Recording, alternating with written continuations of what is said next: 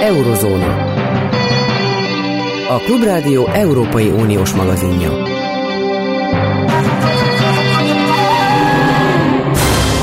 Jó napot kívánok, Zentai Péter vagyok.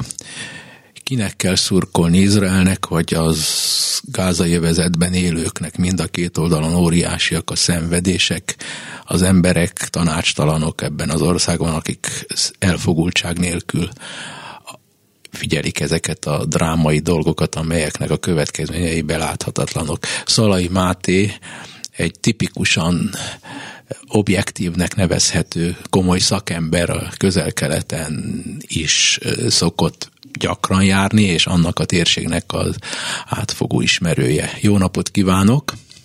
Jó napot kívánok, köszönöm ezt a bemutatást. Ön szerint kinek van igaz, ön például kinek szurkol? Hát én azt gondolom, hogy annak ellenére, hogy a, a nemzetközi közbeszédben ezt a konfliktust egy ilyen izraeli-palesztin konfliktusként ábrázolják, amiben, amiben valamelyik oldalra kell állni. Szerintem ezt, ezt a képet jobb, hogyha ezen túllépünk, hogy ezt elfelejtjük, mert igazából szerintem fontos, fontos az látnunk, hogy az izraeli és palesztin civilek mellett egyszerre ki lehet állni, lehet elítélni a Hamásznak a borzasztó terrorcselekményét, és lehet jogosan felróni kritikákat azzal kapcsolatban, hogy Izrael hogyan lép föl ebben a helyzetben, amikor olyan dolgok történnek, amikor kiderül, hogy mondjuk a, a gázai bombázásoknak a, a civil a száma az több ezerre tehető már, tehát szerintem ezek, ezek egyszerre működnek, és nem kell nekünk egy, egy, egy, egy erkölcsek tökéletes szereplőt keresnünk ebben a konfliktusban. Hát megszokhattuk, hogy ez egy olyan konfliktus, ami, ami ugye gyakorlatilag 1948-ig Izrael kikiáltásáig vezetett vissza, sőt, hát már korábban is, és hát eddig sem azt láthattuk, hogy vannak morálisan tökéletesen tiszta és morálisan tökéletesen teljesen um, um, rossz szereplők, mert azt hozzáteszem, hogy nyilván a, a Hamas, mint egy terrorista szervezet, a mellé állni azért az nagyon nehéz lenne. Igen, az itt és most megkülönböztethető a múlttal szemben, hiszen az itt és mostban annyit azért mindenkinek át kell éreznie Izrael oldalán, hogy egy páratlan, csak és kizárólag civilek elleni támadás történt, és gyerekeket túlszul ejtettek. Ezeket hadifogolynak nevezik, tehát ez történelmileg is a leggonoszabb rendszereken is túl teszni látszik. Ön szerint egy rendszer az, amit a Hamas csinál, tehát az, az egy Gáza az maga a, egy, egy rendszerben élő valami, a, a, a Hamas pedig egy, egy államszerűség, és e, ennek a Hamasnak az az létérdeke, vagy hogy, hogy, hogy úgy éreztesse az arab világgal, hogy föl lehet számolni azt az idegen testet, amit Izraelnek neveznek? Ez utóbbi mindenképpen igaz. Tehát a Hamas úgy pozícionálja magát gyakorlatilag a 80-as évek végétől, tehát a létrejöttétől kezdve, hogy ő az a, ez az a szervezet, amelyik, amelyik a leghangosabban, a legradikálisabban harcol Izrael szemben. Ugye ellentétben mondjuk a, a Fatah-kal és korábban Yasser Arafathoz, ma a Mahmoud Abbashoz kötődő mérsékeltebb körökkel a Hamas elutasítja az Izrael való tárgyalásokat, és a fegyveres fellépésben hisz, és azt, azt támogatja. Igazából a Hamasnak a politikai legitimációjának a magját az az adja, hogy 2006-ban az utolsó palesztin választásokon relatív többséget szerzett, tehát nagyon megverte meglepetésszerűen a, a Fatahot, ami a mérsékeltebb palesztin erő, és, és különösen igaz ez Gázára, a, amelyet gyakorlatilag a választások után elszakított a palesztin hatóságoktól, és azóta jött létre ez a kettőség, hogy a nyugati partot a, a palesztin hatóság, a Gázát pedig a Hamas uralja. Itt igazából én, én nem nevezném államnak ezt a szervezetet, amit fölépítettek, bár kétség kívül mondjuk a, van, van egészségügyi minisztérium, meg hasonló intézmények, amiket minisztériumnak hívnak, de hát ez ne tévesztem meg minket. a Hamásznak azontól, hogy egy ilyen katonai diktatúrikus rendszert vezetett be a, a gázai övezetben. Ennek ellenére azért a kormányzásnak csak egy részét folytatja a palesztinoknak a, az érdekében, sőt hát a nagyon-nagyon kicsi részét, ugye nagy rész, nagy, nagy rész a tevékenységének az a saját katonai erőinek a növelése. Itt igazából a nemzetközi közösség ugye nagyon nehéz helyzetbe került, amikor a gázélvezetet a Hamaszt szerettek volna palesztinokon segíteni, úgyhogy nem erősítik a Hamas közben, de hát ez, ez lehetetlen volt. Igazából az ENSZ is és más szervezetek is mondjuk fenntartanak, fenntartanak és támogatnak oktatási intézményeket, egészségügyi intézményeket a, a gázai övezetben, ami morális szempontból teljesen helyes. Politikailag ugyanakkor gyakorlatilag felmenti a, a Hamaszt az alól, hogy ő maga szervezze meg ezeket a tevékenységeket, és elősegíti azt, hogy a Hamasnak a bevételét azt, azt a fegyverkezésre költse, amiben aztán ilyen elképesztően brutális terrorakciókat követnek el Izrael szemben. Ön szerint azt gondolhatták, hogy most itt az ideje annak, hogy felszámolják a zsidó államot, vagy pedig azt használták ki, ami Izrael gyengeségenek mutatkozott, és erről mi ketten beszéltünk nem is olyan régen önt is, akár csak engem, ki vagyok én persze, nem vagyok szakember, de nagyon fájt nekem személy szerint, hogy fasiszta, rasszista gondolkodású emberek bekerültek az izraeli kormányba, és ők diktáltak abban a tekintetben, hogy minek adjanak prioritást, hogy például a nyugati parton eh, a zsidó telepesek száma növekedjen, és az ottani vallási szenthelyeknek nagyobb a jelentőségük minden másnál. Oda se csináltak, hogy úgy mondjam, a gázai övezetre, csak arra figyeltek, hogy eh, belső harcok nyomán ezek a vallási bolsevikok, vagy vallási nácik, ezek eh, gyakorlatilag azt érték el, hogy, hogy ne, ne lehessen szombaton védekeznie se az országnak körülbelül. Tehát ez elképesztő károkat okoztak, és emiatt én gondolom, hogy Netanyahu felelős, mert ezt a helyzetet használták ki, gondolom én, a, a terroristák. Így van, szerintem nagyon fontos azt látnunk, igen, hogy a Hamászhoz hasonló erős szervezetek azok pont, pont ilyen akciókban érdekeltek. Én nem hiszem azt, hogy azt gondolták, hogy most Izraelt el tudják törölni a térképről, de ezt mindenképpen érzékelték, hogy van egy lehetőség arra, hogy, hogy, hogy bevigyenek egy olyan ütést Izraelnek és a zsidóságnak igazából, amelyre nem volt példa a holokauszt óta gyakorlatilag, és, és ez, ez, ez a lehetőség ez azt jelentette egyrészt, amit ön is mondott, hogy az izraeli belpolitikai feszültségek felősödtek.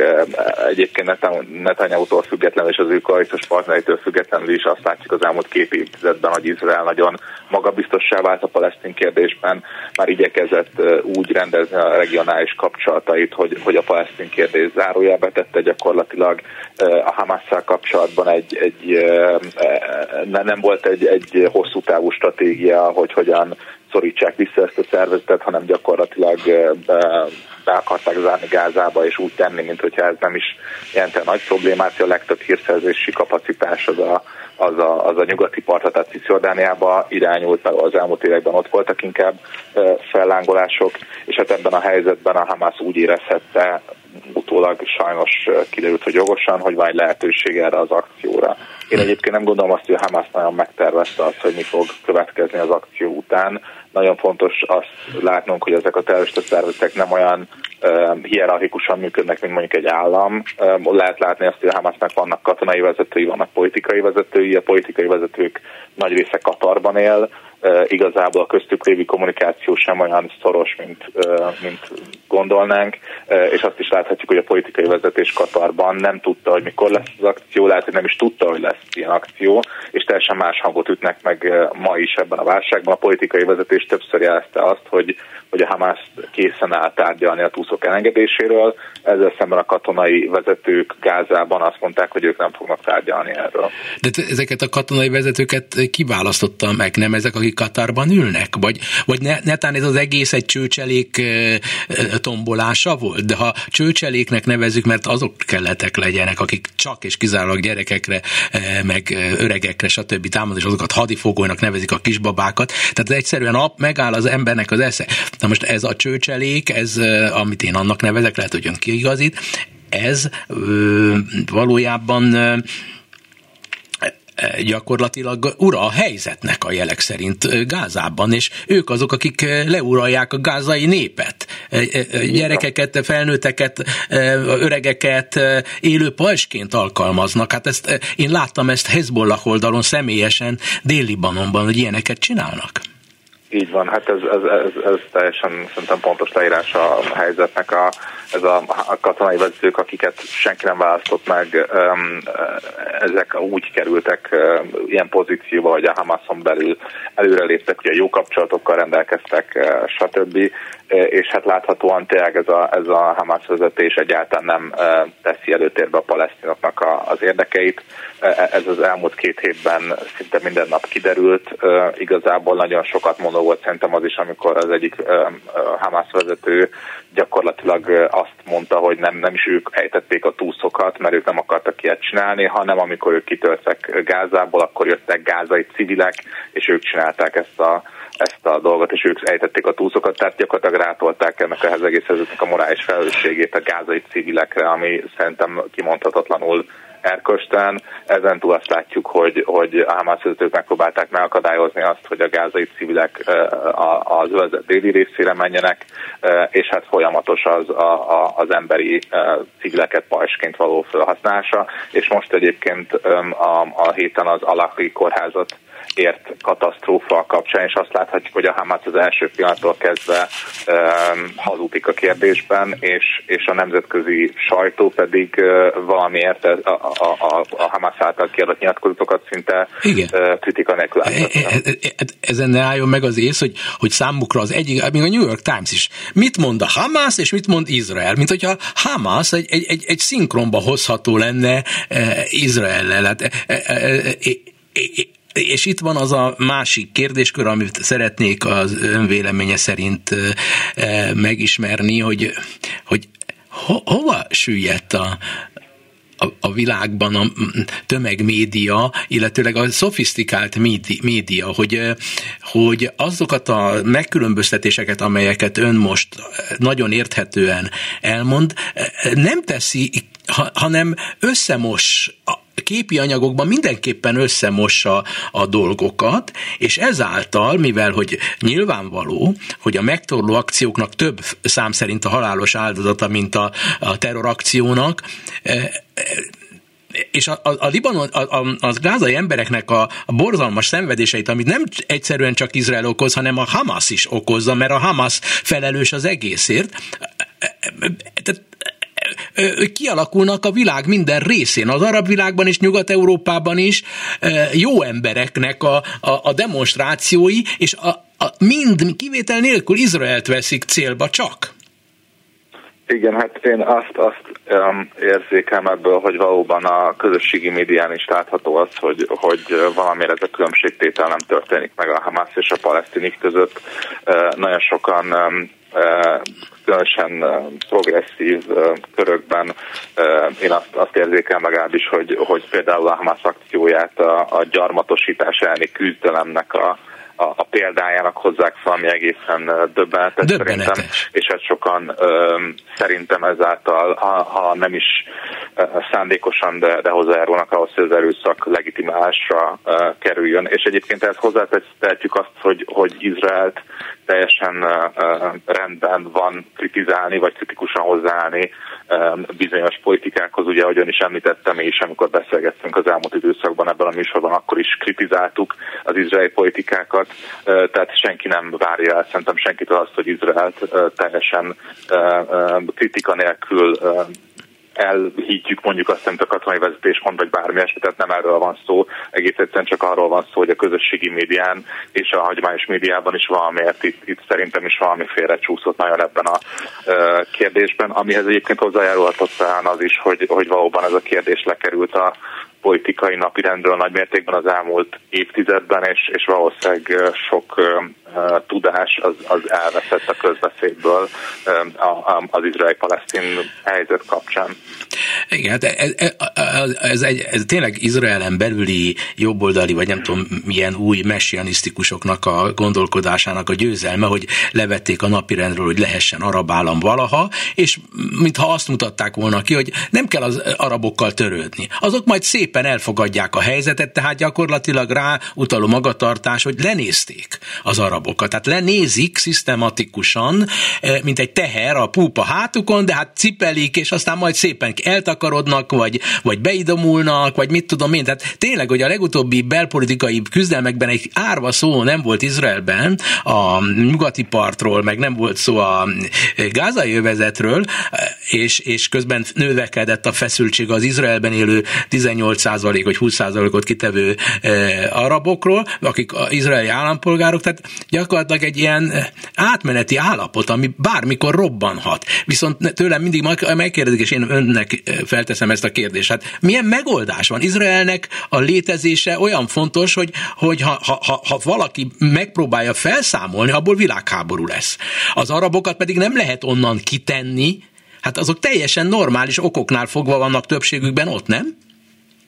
Abszolút, és én azt gondolom sokan egyébként ebben a helyzetben is megfogalmazzák azt, hogy, hogy hogy szükség van ismét napirendet venni a, a két állami megoldást, bármennyire is lehetetlennek tűnik ma az, hogy ez, ez, ez megtörténjen. Én múlt héten egyébként Tel Avivban voltam, és ott is izraeli állampolgároktól hallottam azt, hogy, hogy, hogy sokkal, tehát lefolytatják ugyanazokat a vitákat, mint bárki más, és ők is ugyanúgy fölteszik ezeket a kérdéseket, hogy mi Izraelnek a felelőssége. Ugye ki is jött ez közleménykutatás, ami, ami azt mutatta, hogy az izraelieknek egy, egy talán 75%-a legalább, vagy, vagy azt mondják, hogy teljesen a kormány felelős azért a, a helyzetére, ami kialakult, és van 90%-uk szerint valamennyire legalább felelős, tehát mindenképpen ezek a viták megvannak. Ugye az izraeli áldozatok, a Hamas akciójának izraeli áldozatainak családtagjai is beszéltek arról, hogy, hogy ők nem szeretnék, hogy ebből egy, egy háborús konfliktus alakuljon ki Gázában, és hogy muszáj lesz a, a béke felé ellépni, és, és valóban elképzelhető az, hogy, hogy közép és hosszú távon ebbe az irányba fogunk elmozdulni, és akkor a helyi szereplők is felteszik majd azokat a komoly kérdéseket, hogy hogyan tudunk visszamenni a két álmos megoldás, vagy bármi másfajta megoldás felé, ami, ami nem fogja erősíteni az erőszaknak ezt a, ezt a ciklikusságát, amit, amit ebben a konfliktusban az elmúlt évtizedekben megfoghattunk. De az biztos, hogy a jelenlegi helyzet az rövid távon szerintem még nem teszi azt lehetővé, hogy, hogy ez a kérdés napirendre kerüljön ismét. Ugye nagyon fontos lenne a, a túszoknak a, a helyzetének a, a, a, a megoldása, mert az, hogy továbbra is amennyire tudjuk 200 túsz van még Gázában, az egy, az egy felfoghatatlanul nagy nyomást és egy felfogható nagy katasztrófa szerintem minden egyes órában, ami, ami, ami eltelik, és egyébként sok izraeli meg is kérdőjelzi, hogy, a, a, hogy miért van az, hogy a, kormány többet beszél a Hamas felszámolásáról, és sokkal kevesebb bet arról, hogy mi lesz a túszokkal, vagy kevés, kevesebb um, akciót láthatunk azzal kapcsolatban, hogy, hogy mit is akarnak a túszokkal. Minden esetre az a látszat, és abból is, amit ön mondott, és nem tudom, hogy ott belül Izraelben egyébként a terrorakció alatt is ott volt Izraelben? A terrorakció másnapján érkeztem Izraelbe. Értem. E, szóval azért e, fölmerül itt, hogy Izrael nem olyan erős, mint amilyennek gondolta a világ. Ebből e, az arabok levonhatnak olyan következtetéseket, hogy itt az idő most vagy soha, és e, rá, e, lapot tesznek arra, hogy eszkalálódni kelljen ennek. Miért ne eszkalálódhatna, hiszen az Egyesült Államokban látjuk, hogy a szemünk előtt borzalmas, elképesztően erodálódik a hatalmi gépezet, és egyedül ez a 80 éves ember Biden mutat valamiféle egy, egyértelműséget. És egész Amerika nem mutat egyértelműséget abban a tekintetben, nem Izrael szemben, mert Izrael oldalán van, de, de mintha egy ilyen fogatlan oroszlán lenne. Az oroszok és az irániak most tulajdonképpen tapsolhatnak nem fél attól, vagy nem gondolja azt, hogy a végén odáig fognak menni a dolgok, hogy egy ilyen trade-off, hogy, azt mondják, hogy jó, Izraelt megmentjük, én, be, én mint Moszkva meg, be, lefogom az irániak kezét, cserében ti pedig szépen e, e, odaadjátok nekünk, ami a miénk, nevezetesen Ukrajnát?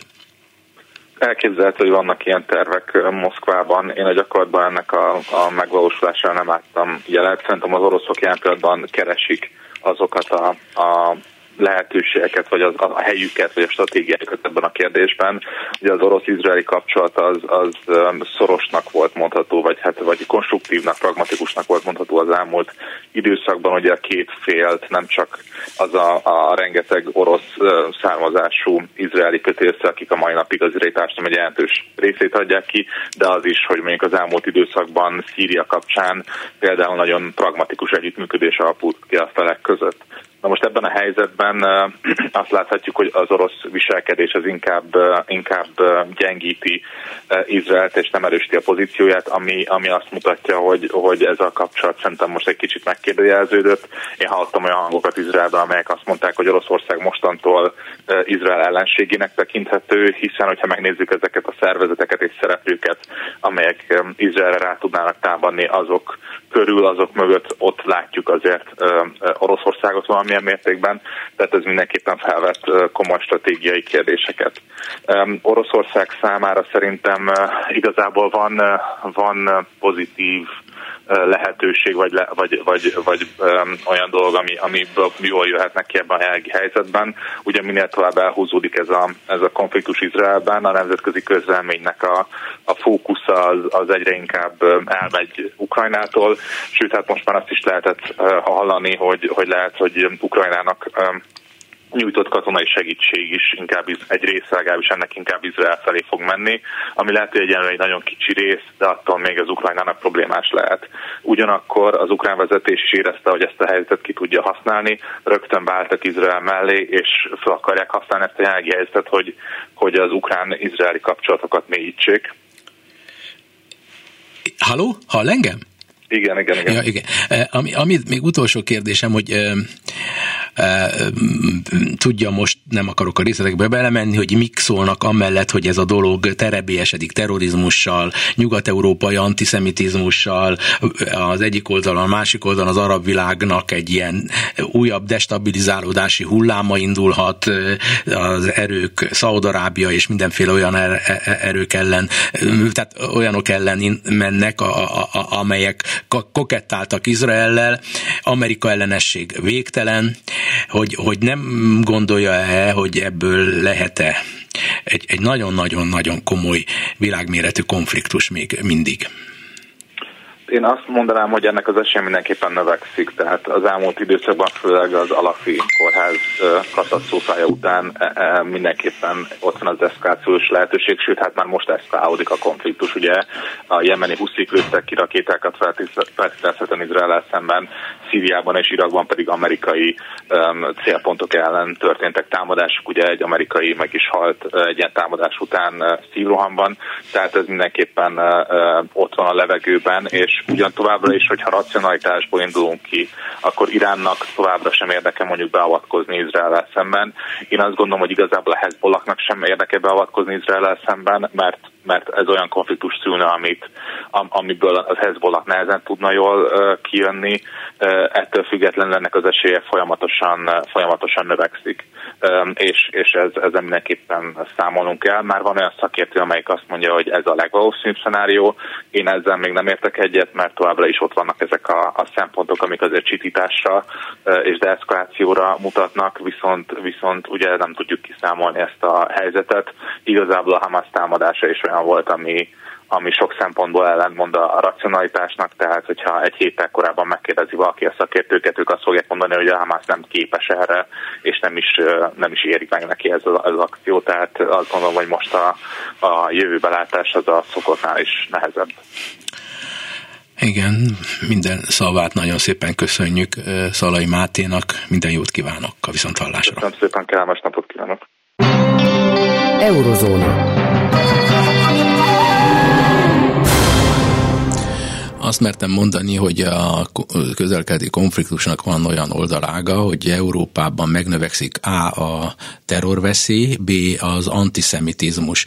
Tehet Péter egy európai utazó, szó szerint értelemben, és ugyanakkor olyan a utazó, aki tudós ember, és a megfigyelő, tudományos megfigyelő. Szervusz Péter! Szervusz, üdvözlöm hallgatókat! Mennyire látod az antiszemitizmusnak egy új formájának, vagy régi formájának a megújulását, elsősorban azokban a nyugat-európai országokban, ahol eh, nagyon nagy számban élnek eh, különböző muszlim szervezetek, és hangadóak, eh, vagy azért, mert ott léteznek, és nem szeretik őket, vagy azért, mert mellettük állnak, és úgy fogja fel a lakosság, hogy azért kényszerülnek ők hoz ebbe az, abba az országba, ahol élnek Olaszországtól Németországig, mert hogy az izraeliek nem hagyják őket a saját hazájukban. Hát ugye ez egy régi vita, hogy, hogy az anticionizmus az mennyire antiszemitizmus vagy sem, és ugye valóban az Izrael bírálata az nem csak bizonyos arab vagy muzulmán szervezeteknél, de különösen a nyugati baloldalon jelen van. Tehát függetlenül hogy valaki muzulmán vagy sem, a nyugati baloldali pártok jelentős többsége hagyományosan ugye mindig Izrael ellenes volt, és noha mondjuk ma már a német szocdemek vagy az osztrák szocdemek ezt az irányt föladták, de mondjuk ha a francia baloldalt, a skandináv baloldalt, vagy akár az olasz baloldalt megnézzük, ott mind a mai napig inkább az a narratív uralkodik, hogy Izrael az egy elnyomó, gyarmatosító ország, és ezzel szemben hogy ugye a baloldali hagyomány diktálná ők mindig a, az elnyomottakat, tehát ebben az esetben a palesztinokat támogatják. Ez persze sok tekintetben egy ilyen kiszervezett anti-amerikanizmus is, itt a baloldal ugye az, Ameri- az Egyesült Államokat is utálja, és Izraelt is ugye az Egyesült Államokhoz tudja ö, ö, ö, tolni, és mindenkit, aki nem az Egyesült Államok, azt a baloldalon általában szeretni szokták. Ugye az egész ukrán-orosz háborúban is meglátható ez az ambivalencia a baloldalon, hogy még mindig vannak olyan baloldali emberek, akik nem szívesen állnak ki egészen egyértelműen Ukrajna mellett, mert azzal úgy érzik, hogy a transatlanti világot, az Amerikai Egyesült Államot támogatnák, amit ugye ők hagyományosan elutasítanak. Hm. Hogy valóban most ugye lehet látni olyan tüntetéseket, ahol, ahol már nem csak anticionista, hanem akár antiszemita jelszavak is elhangoznak. Ez valóban mutatja, hogy az antiszemitizmus, anticionizmus közötti határ az sohasem azért teljesen éles, és itt lehet játszani, hogy valaki Izrael bírálja, de esetleg az összes zsidóra gondol. Másrészt persze hogy az is problematikus, hogyha az anticionizmust eleve antiszemitizmusnak tartjuk, és erre hivatkozva zárnánk ki, hogy semmilyen módon nem lehet Izrael kormányát sohasem bírálni. Hm. Egyébként tényleg nagyon kacifántos az ügy, mert éppenséggel azok a nyugat-európai erők, amelyek korábban antiszemiták voltak, és nem tehát így vagy úgy, de rokon szenveztek az antiszemita szellemiséggel, még ha nem is mondták ki szó szerint a zsidó szót, azoknak a nagy része most egyértelműen éppenséggel a cionizmust támogatja. Igen, igen, igen. É, é, é, hát ugyanakkor... gyakorlatilag az a klasszikus antiszemita szélső jobboldaliság, amit mondjuk Magyarországon legutoljára mondjuk a miék képviselt, az, ahogy Magyarországon is eltűnt, hiszen ugye a Igen. magyar szélső jobboldal is ma már inkább muzulmán ellenes, Nyugat-Európában aztán különösképpen eltűnt, és tény is való, hogy a nyugati szélső jobboldali pártok, azt lehet mondani a legnagyobb zászlóidői az izraeli ügynek, az osztrák szabadságpártól, az F, az német AFD-ig, vagy a, a, a, a francia nemzeti tömörülésig mindannyian nagyon Izrael pártiak. Persze nem feltétlenül a zsidókat szerették meg, vagy legalábbis nem tudom, hogy mi a belső viszonyuk a zsidókat. Hát az biztos, hogy nem a zsidókat szerették meg. Egyszerűen ugye az ellenségem ellenség az a barátom, és ők számukra az arabok a fő ellenség, a muzulmánok a fő ellenség, és ezért akkor felfedezték Izraelt úgy barátként, valamint és emögött egy sajátos, egy ilyen invert antiszemitizmus látható,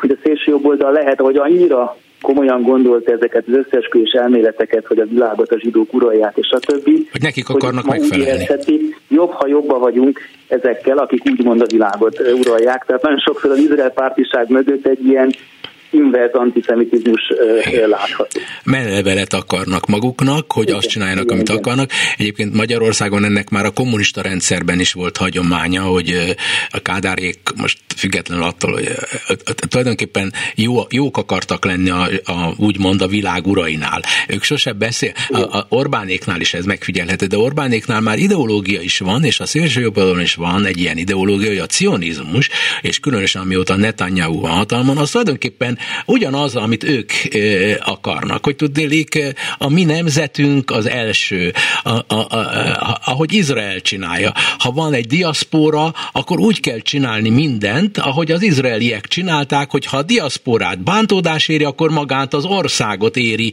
bántódás. Tehát az izraeliek élen jártak abban, hogy összemosták a világ zsidóságát, most ezt rosszul hangzik, de mind, ne, nagyon jól lehet bizonyítani, hogy nem mindig voltak olyan nagyon zsidó barátok, hogyha az, az elnyom, a zsidók elleni mm, propagandát eh, Izrael barátai csinálták. De minden esetre az biztos, hogy a cionizmusban látnak valami olyasmit, az újfajta eh, jobboldali cionizmusban, meg vallásilag átszőtt cionizmusban, amit korábban nem lehetett tapasztalni. Igazam van? Igen, hát ugye a, a, végülis a cionizmus egy zsidó nacionalizmus, ugye ugyanúgy a, a 19. században született meg, mint bármely más nemzet nacionalizmus. Tehát az, hogy a nacionalizmusok egymást pozitívan figyelik, az, az, az, az természetes, és valóban látható, hogy a, a muzulmánokhoz való viszonyban, vagy mondjuk különböző családpolitikai kérdésekben vannak azonosulási pontok, és, és ezért valóban a gyakorlatilag már teljesen eltűnt az antiszemitizmus, tehát a különböző zsidó ellenes elméletek tényleg csak nagyon kicsi neonáci körökben esetleg még jelen vannak, de egyetlen egy nagy nyugat-európai szélsőjobboldali párt se Izrael ellenes vagy zsidó ellenes. Az más kérdés, hogy valóban a bal oldalon is a muzulmánoknál meglévő anticionizmus viszont sokszor átcsaphat akár már antiszemitizmusba is. Illetőleg a... a újfajta antiszemitizmus. Igen, igen a, a, a, illetőleg az a burkolt, főleg baloldalon, de szélső jobb oldalon is, de a, ugye a, a nagyon alacsony szintű tömegek részére nyomott propagandában az Amerika ellenességben és a Wall Street ellenességben és a Hollywood ellenességben be van szőve, meg a soros soros ellenességben is bele van szőve, hogy nem mondják ki, de e, úgy olyan, meg Brooklyn, meg Wall Street, stb. ezeket a kódszavakat alkalmazzák, és ebben be, igenis benne van a nagyon is keményen. Hát, hogy... Igen, hát ezekkel lehet ügyesen játszani, mint egyik a soros az izraeli jobboldal szemében antiszemitának számít. Pontosan. Nem egy, nem egy jobboldali figura. Tehát soros meg Izraelben azért támadják, hogy ő támogat palesztin ügyeket, és ő öngyűlölő zsidó lenne. Igen, igen, igen. Hát e, e, ez mutatja, hogy egészen elképesztően megváltozott a, a világban a propagandáknak a, a tartalma is, meg a, a formája is. E, Magyarország propagandisztikusan képvisel egy olyan állapotot, Magyarországnak a népes számára stabilizált egy állapotot, amiben harag van a nyugat ellen.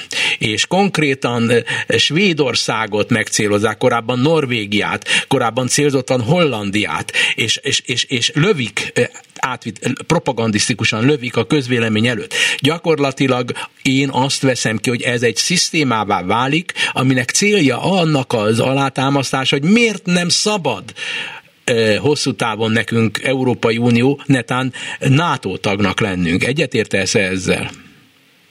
Hát az biztos, hogy van egy nyugat ellenesség, ugye, hogyha nagyon visszamegyünk, akkor a magyar jobboldali hagyományban mindig is volt egy erős nyugat ellenesség. Tehát már a két világháború között ugye ez a turánizmus, a türk népekkel vagyunk mi igazán rokonok, tehát érdekes módon, hogy amennyire Közép-Kelet-Európa más országaiban, akár Lengyelországban, akár Horvátországban, akár Csehországban, még a szélső jobboldal is mindig nyugatpárti volt, hiszen így tudta magát, a saját nemzetét is úgymond pozitívabban ábrázolni. Mondjuk a horvát szélső jobboldal így tudja azt mondani, hogy hát mi nem is vagyunk balkáni nép, mi egy nyugati nép vagyunk.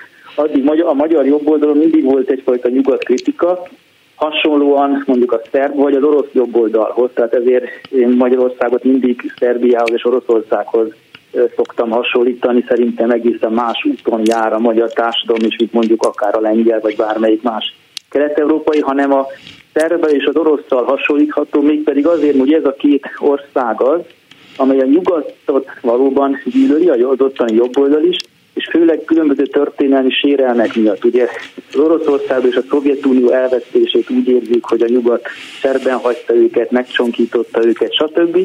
Szerbiában ugye a Koszovó, meg Brészben egész Jugoszlávia elvesztése jelenik meg ilyen narratívaként, és Magyarországon is egyfajta Trianon szindrómaként, még hogyha ez nem is volt mindig nagyon erős, azért mindig elő lehet venni, hogy hát a nyugat mindig cserben hatta Magyarországot, elvette a területeit, és lehet tovább ezeket sorolni, és ezért az a sajátos helyzet alakult ki, hát szerintem a rendszerváltás után is, hogy inkább a baloldal volt nyugat pártig, és a jobb oldal volt mindig kritikusabb a nyugattal szemben. Ugye ez pont, ahogy előbb beszéltük, nyugaton pont ellentétes, hogy ugye inkább a baloldal az Amerika kritikus és hasonló.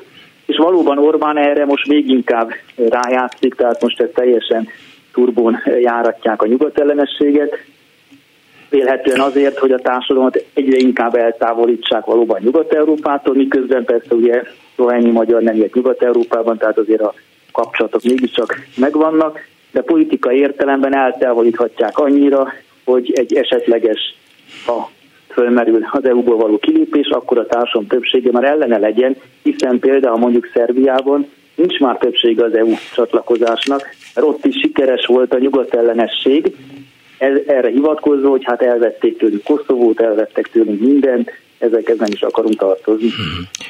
Egyébként fontos lenne tudni, hogy te személyesen tapasztalsz egy csomó dolgot Németországban, Olaszországban, és látod nagyjából, hogy különböző nagyvárosokban milyen a közvélemény, és látod, hogy mi a politikai narratíva a médiában, a fővonalbeli médiában, és milyen módon beszélnek a politikusok. Na most a, a médiát és a politikusok szövegeit illetően azt mondom, hogy a nyugat nyugat.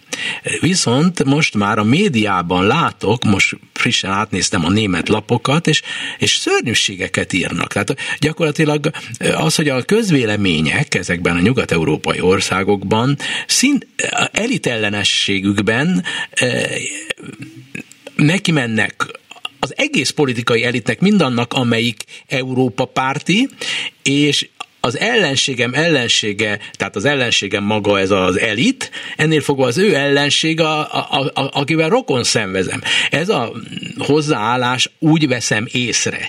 De de csak most a sajtó révén, hogy, hogy ez a hozzáállás erősödik. Németországban dögunalmasabb elitnek a szövegelése. Az AFD sokkal izgalmasabban adja elő a dolgokat. És mindenütt a radikálisok sokkal izgalmasabban tudják eladni a portékájukat, mint, a, mint ha megfáradt volna a, a, a demokratikus elit e, e, Nyugat-Európában, és ezt én hisztérikusan veszem figye, e, tudomásul. Nem tudom, hogy te, aki egy nyugodtabb ember vagy, látod-e az én aggodalmamnak bármilyen alapját?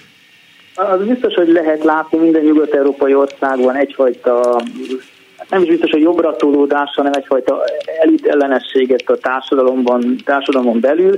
Valóban a német példa a legeklatánsabb, hiszen ugye Németországban hagyományosan mindig a szélsőségek kimaradtak a politikából, és a társadalom is inkább mindig középre pozícionálta magát, ami persze egyfajta unalmat is eredményezett a német politikában, hogy alig lehetett a pártokat egymástól megkülönböztetni, tehát mondjuk egy kancellár jelölti vita a németeknél az, az, az tényleg meg bele lehetett aludni.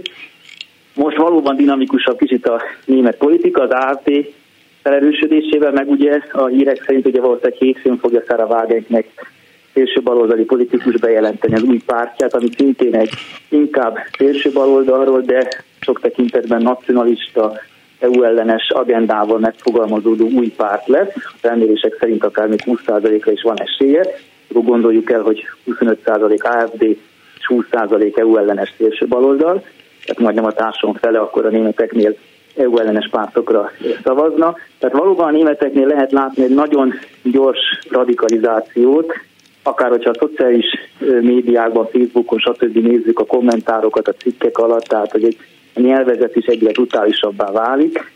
Ez szerintem a németeknél sokban összefügg azzal is, hogy valóban ugye a jelenlegi berlini koalíció túlságosan belekezdett egy nép átnevelő programba, ugye főleg a zöldek révén nagyon erősen ezt a klímaválságot meg akarják oldani, ami hát sokban persze egy kicsit nevetséges, mert 80 milliós Németország nem tudja megoldani az egész globális problémát, de sokan úgy érzik, hogy a politika, mármint az elit, nagyon begyalogol az ő magánéletükbe. Ugye ez elkezdődött a Covid-válság idején, aztán, hogy milyen autót használhatnak, használhatnak egyáltalán autót, ehetnek egyáltalán húst, stb. stb. Tehát valóban erre Németországban az utóbbi időben engem is meglepő módon egy nagyon erős radikalizáció alakult ki, akár a középosztályon belül is, hiszen ugye az AFD az már egyáltalán nem leírható mondjuk a kelet-német vesztesek pártjaként, hiszen az igazán nyugati német Essen tartományban is nemrég a második erő Bajorországban a harmadik, de ott is 17%-ot kaptak, a leggazdagabb Baden-Württembergben 20%-on állnának már, tehát az látható, hogy nyugaton is megjelentek, a szavazóik felmérések szerint egyáltalán nem a legszegényebbek közül kerülnek ki, hanem alapvetően középosztálybeli emberek. Ez egyfajta válasz talán arra is, hogy az elit kicsit elidegenedett, Ugye Franciaországban ez még jobban lehet látni, ahol ugye De ez nem kicsit, de, Péter, ez nem kicsit. Óriási. Amit te mondasz, az nem kicsit, az nagyon. Tényleg löppen, löppen jöhet. Én múlt héten volt egy konferencia Svájcban, és ott egy jogtudományi, és ott egy francia professzorral beszélgettem, idős professzorral, és ő már majdnem egy ilyen rezignáltsággal mondta nekem, hogy ő szerint jön löppen, az ki fogja vinni Franciaországot az EU-ból, ő hajlandó arra is fogadni, hogy a új német kancellár az AFD is lesz, akkor Németország is kilép az EU-ból, tehát ő EU-nak nem ad négy-öt évnél többet. Most lehet, hogy ez egy kicsit francia pessimizmus, de azt én is valahogy lehet látni ilyen folyamatokat.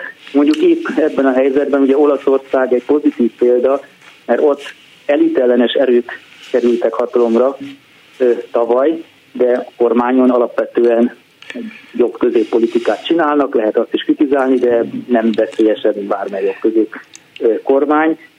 Nem tudom, hogy az AFD meg tud-e így szeridülni, vagy, vagy löppen, de az biztos, hogy látható, hogy valamilyen módon az elitek, valóban kicsit ilyen összeesküvéses fogalom, de akkor most nevezzük így, az elitek, mintha elvesztették volna a kontaktust a, a, a lakossággal, és olyan programokat is elvárnak, itt lehet gondolni az identitáspolitikára, vagy a zöld politikára, amelyet a, a nép többsége nem támogat, és emiatt a nem támogatását most már így fejezi ki, hogy mindennel szembe fordul, akár az EU-val, akár Egyesült Államokkal szemben is, de itt a fő problémák például Németországban valóban a zöldek nagyon erős tényleg azt lehet mondani, hogy egy ilyen népedagógiai programját jelenti. Pedig most hallom, hogy a CDU vezető azt mondta, hogy azonnal bontsa föl a koalíciós szerződést Scholz a zöldekkel, és hogy... A CDU is radikalizálódik, tehát például Friedrich Merz, hogy a párt elnöke, aki maga is sokkal jobboldali, mint Merkel volt, ugye azt mondta, hogy a, hogy a fő ellenség a zöldek. Tehát a CDU is mintha már kezdené feladni azt, mert korábban a német politika alapkonszenzusa volt, hogy az AFD a főellenség, velük semmiben nem működik együtt. Igen. CDU most már azt mondja, hogy a zöldek a főellenség, mondjuk sajátos, hogy ezzel szemben számos tartományban velük alkotnak koalíciót, de ez a más kérdés. De elképzelhető, hogy a CDU-nak egy idő után kell nyitni az AFD felé, mert ugye jövőre lesznek kelet-német tartományokban választások, ahol gyakorlatilag nem lehet az AFD nélkül kormányt alakítani, vagy olyan furcsa kormányoknak kéne létrejönniük, hogy a CDU-tól a szélső baloldal linkig mindenki egy kormányt Igen. alakít, és az meg szintén az emberekben éppen azt az érzést erősíteni, hogy na hát az elit, a CDU-tól a szélső baloldalig itt most mindenki összefog a szegény átvével szemben. De most te nem érzed a szavaid nyomán azt, hogy Orbán Viktor a világ győztes? Hát gyakorlatilag ezt mondja évek óta és, és mindenki röhög rajta. És mi nálunk, mivel teljesen más a ö, helyzet, a kontextus, Lengyelországban, ahol éppenséggel a, a nem az valósul meg, amit Nyugat-Németországban lát, vagy Németországban látunk, hanem éppen annak az ellenkezője. Tehát gyakorlatilag aszinkronban van Kelet-Európának több állama, Magyarország, Lengyelországnak a helyzete a nyugatival. A nyugati romlik, nálunk, jó lehet Magyarországon kicsi a remény, de Kelet-Európában meg reménykedhetünk, optimisták lehetünk, mert látjuk, hogy milyen gazemberek azok, akik elhitetik, hogy a nyugati demokrácia milyen, és, eb, és össze-vissza lopnak. De ott viszont a dolgok természetes menetében erősödnek azok, akik ugyanazt mondják szavak szintjén, amit Orbán. És Orbánnak mi, hányzik, mi hiányzik, hogy ne, hát szobrot lehet neki e, építeni, e, alkotni. Igen, hát ugye Orbánnak az a helyzeti előnye megvan, hogy ő Magyarországon tényleg élete végig biztosította magát, tehát demokratikus választásokon ő nem leváltható. Ennek révén ő mindig tud jóval hosszabban tervezni, és gondolhatja azt, hogy egyszer bejönnek a, a, a tervei, de hát ugye vagy mondják, hogy a rosszul járó óra is azért kétszer fontos időt mutat. Hmm. Tehát hogy Orbánnak azért számos ö, terve nem jött be, ő már 2019-ben készült arra, hogy lesz egy össze-európai hát, jobboldali, szélsőjobboldali összeborulás, amelynek majd ő lesz a vezetője. Na most ezzel szemben még a szélsőjobboldal se borult össze Európában, az is két frakcióban szerveződik. Meloni eltávolodott Orbántól, még Kaczynszkék is eltávolodtak, de hát ugye most már mindegy ismert, a Varsóba valószínűleg egy eléggé Orbán kritikus kormány fog jönni.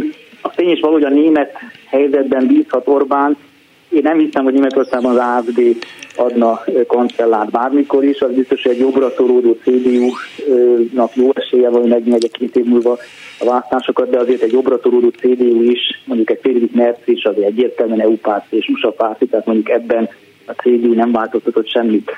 Az alapállásán, és a fidesz nincsenek legalábbis hivatalosan kapcsolatban.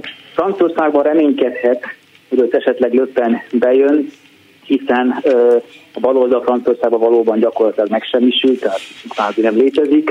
Az egyetlen kérdés, hogy a francia politikai elitnek lesz arra esélye, hogy talál egy olyan jelöltet, aki majdnem már olyan, mint a Löppen, de pont ezekben a lényegi kérdésekben, mint EU, USA nem követi teljesen a Löppen irányvonalat, hiszen csak egy ilyen politikus tudná Löppent megakadályozni a választásokon, hiszen ugye Franciaországban ez a köztársasági front, tehát hogy mindenki a Löpen ellen szavaz végül, ez teljesen megszűnt.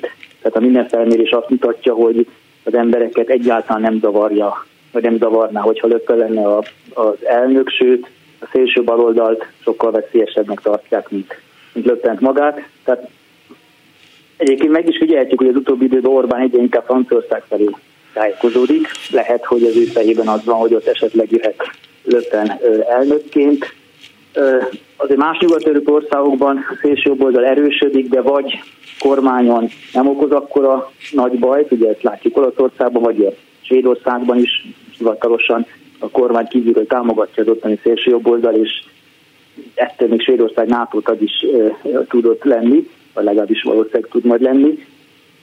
Németországban valóban van egyfajta radikalizáció, és erre jobban kéne figyelni a jelenlegi kormánykoalíciónak, mert azért mégiscsak Németország Európa motorja közepe, ha Németország kiesik, vagy Németországban valami nagy balhé történik, hogy tényleg AFD kerül hatalomra, vagy mondjuk egyszerűen kormányozhatatlanná válik az ország a szélső jobb és a szélső bal megerősödése miatt, akkor tényleg Weimári helyzet alakulhat ki, ugye Weimárban is ez volt, hogy a kommunisták és a nácik annyira megerősödtek, hogy a demokratikus pártok már képtelenek voltak egymással is kormányozni. Tehát Németországban szerintem jelenlegi berlini kormánynak tényleg kell valamiféle korrektúrát végrehajtani, mert az látható, hogy a társadalomban is nagyon nagy a dű velük szemben. Hmm. Az, az utolsó kérdésem, hogy az európai összességében szélső jobboldalinak nevezzük, mert így hívjuk őket, most ez lényegtelen, hogy megfelel ez tudományos követelményeknek, de a lényeg, ezek a pártok demokratikus pártok? Hát abban az értelemben, hogy... hogy nem akarják a jogállamot lebontani, nem akarnak örök hatalmat e, e, úgy kialakítani, mint például a Fidesz? Hivatalosan nem. Ugye valóban kérdés, hogy abban az értelemben mindenképpen demokratikus pártok, hogy nem lettek betiltva. Ugye Németországban is megy ez a vita, hogy ameddig az AFD-t, ugye Németországban be lehet tiltani egy pártot, arra hivatkozva, hogy alkotmány utoljára ér az 50-es években a fordulóra került, de ezt meg lehet tenni. Sokan ugye azt mondják, hogy hát ameddig az AFD nem tiltja be az alkotmánybíróság, igaz az AFD egy demokratikus párt, amelyel beszélni kell, amelyet el kell ö, ö, fogadni. A probléma valóban ott kezdődik el, hogy ha ők a pluralizmust támadják, és ugye ez a populista logikából következik, hogy a populizmusnak a lényege az, hogy aki populista, az önmagát azonosítja az egész néppel. Ugye az egész elit ellenességnek is ez a rész, ez a lényege, hogy van a nép, amelyet képvisel egy vagy két párt, vagy egy vezér, és mindenki más az valamiféle elit, amely a nép érdekeivel szemben megy, és hát az, ebből a populizmusból szükségszerűen következik akkor az antipluralizmus, hiszen hogyha népet egy párt képviseli, akkor az összes többi párt az a nép ellenség, azokat meg kell szüntetni. Tehát a populizmusban mindig benne van a veszély, hogy föllép a pluralizmussal szemben is lebontja azokat az intézményeket, amelyek más érdekeket, kisebbségi érdekeket védenének. Ráadásul ugye azért egyetlen populista párt sem most Magyarországot leszámítva nem szólítja meg a nép 50%-át, vagy annál többet, tehát semmiképpen szeretnék többségről se beszélni. De hát nálunk sem a... szólítja meg az 50%-ot, csupán a kétharmada van a parlamentben. Na mindegy. Hát, de... A legutóbbi váltáson 50 fölött kapott a Fidesz, most így értem. Az Ávdia nem fog 50% fölött kapni, Löpen még kaphat akár Franciaországban, de hogyha valaki 50% fölött kap, akkor se azonos az egész néppel, és a populizmus pedig erről szól, hogy egy párt, tehát ugye az AFD is mindig arról beszél, hogy őt képviselik a folkot, ugye a népet, ők a folk, ugye ez a jelszavuk, mi vagyunk a nép, Hát, hogyha ők a nép, ők képviselik a népet, akkor ebből valóban következik, hogy minden más intézmény, alkotmánybíróság, vagy Igen. minden más párt, azok igazából a nép ellensége, azokat meg kell szüntetni. De ez ugye csak a logikából következik, ilyen programpontja nincsen az AFD-nek, vagy a Löppennek, tehát formálisan demokratikus pártok. Ettől függetlenül nem tölt el bennünket, akik ilyen ősi, óvdivatú demokraták, mindaz, ami Nyugat-Európában történik, és azt hiszem, hogy Tehet Péter autentikus megfigyelőnek számít, tehát jó, hogyha jól odafigyelünk, esetleg meghallgatjuk még egyszer az ismétlésben, vagy az archívumból ezt a beszélgetést. Köszönöm Péter a viszontlátásra, a viszonthallásra. Túri Lui, Simon Erika, Bencsik Gyula nevében. Köszönöm a szerkesztő Zentai Péter a viszonthallásra. Önök a Klubrádió Európai Uniós magazinját hallották.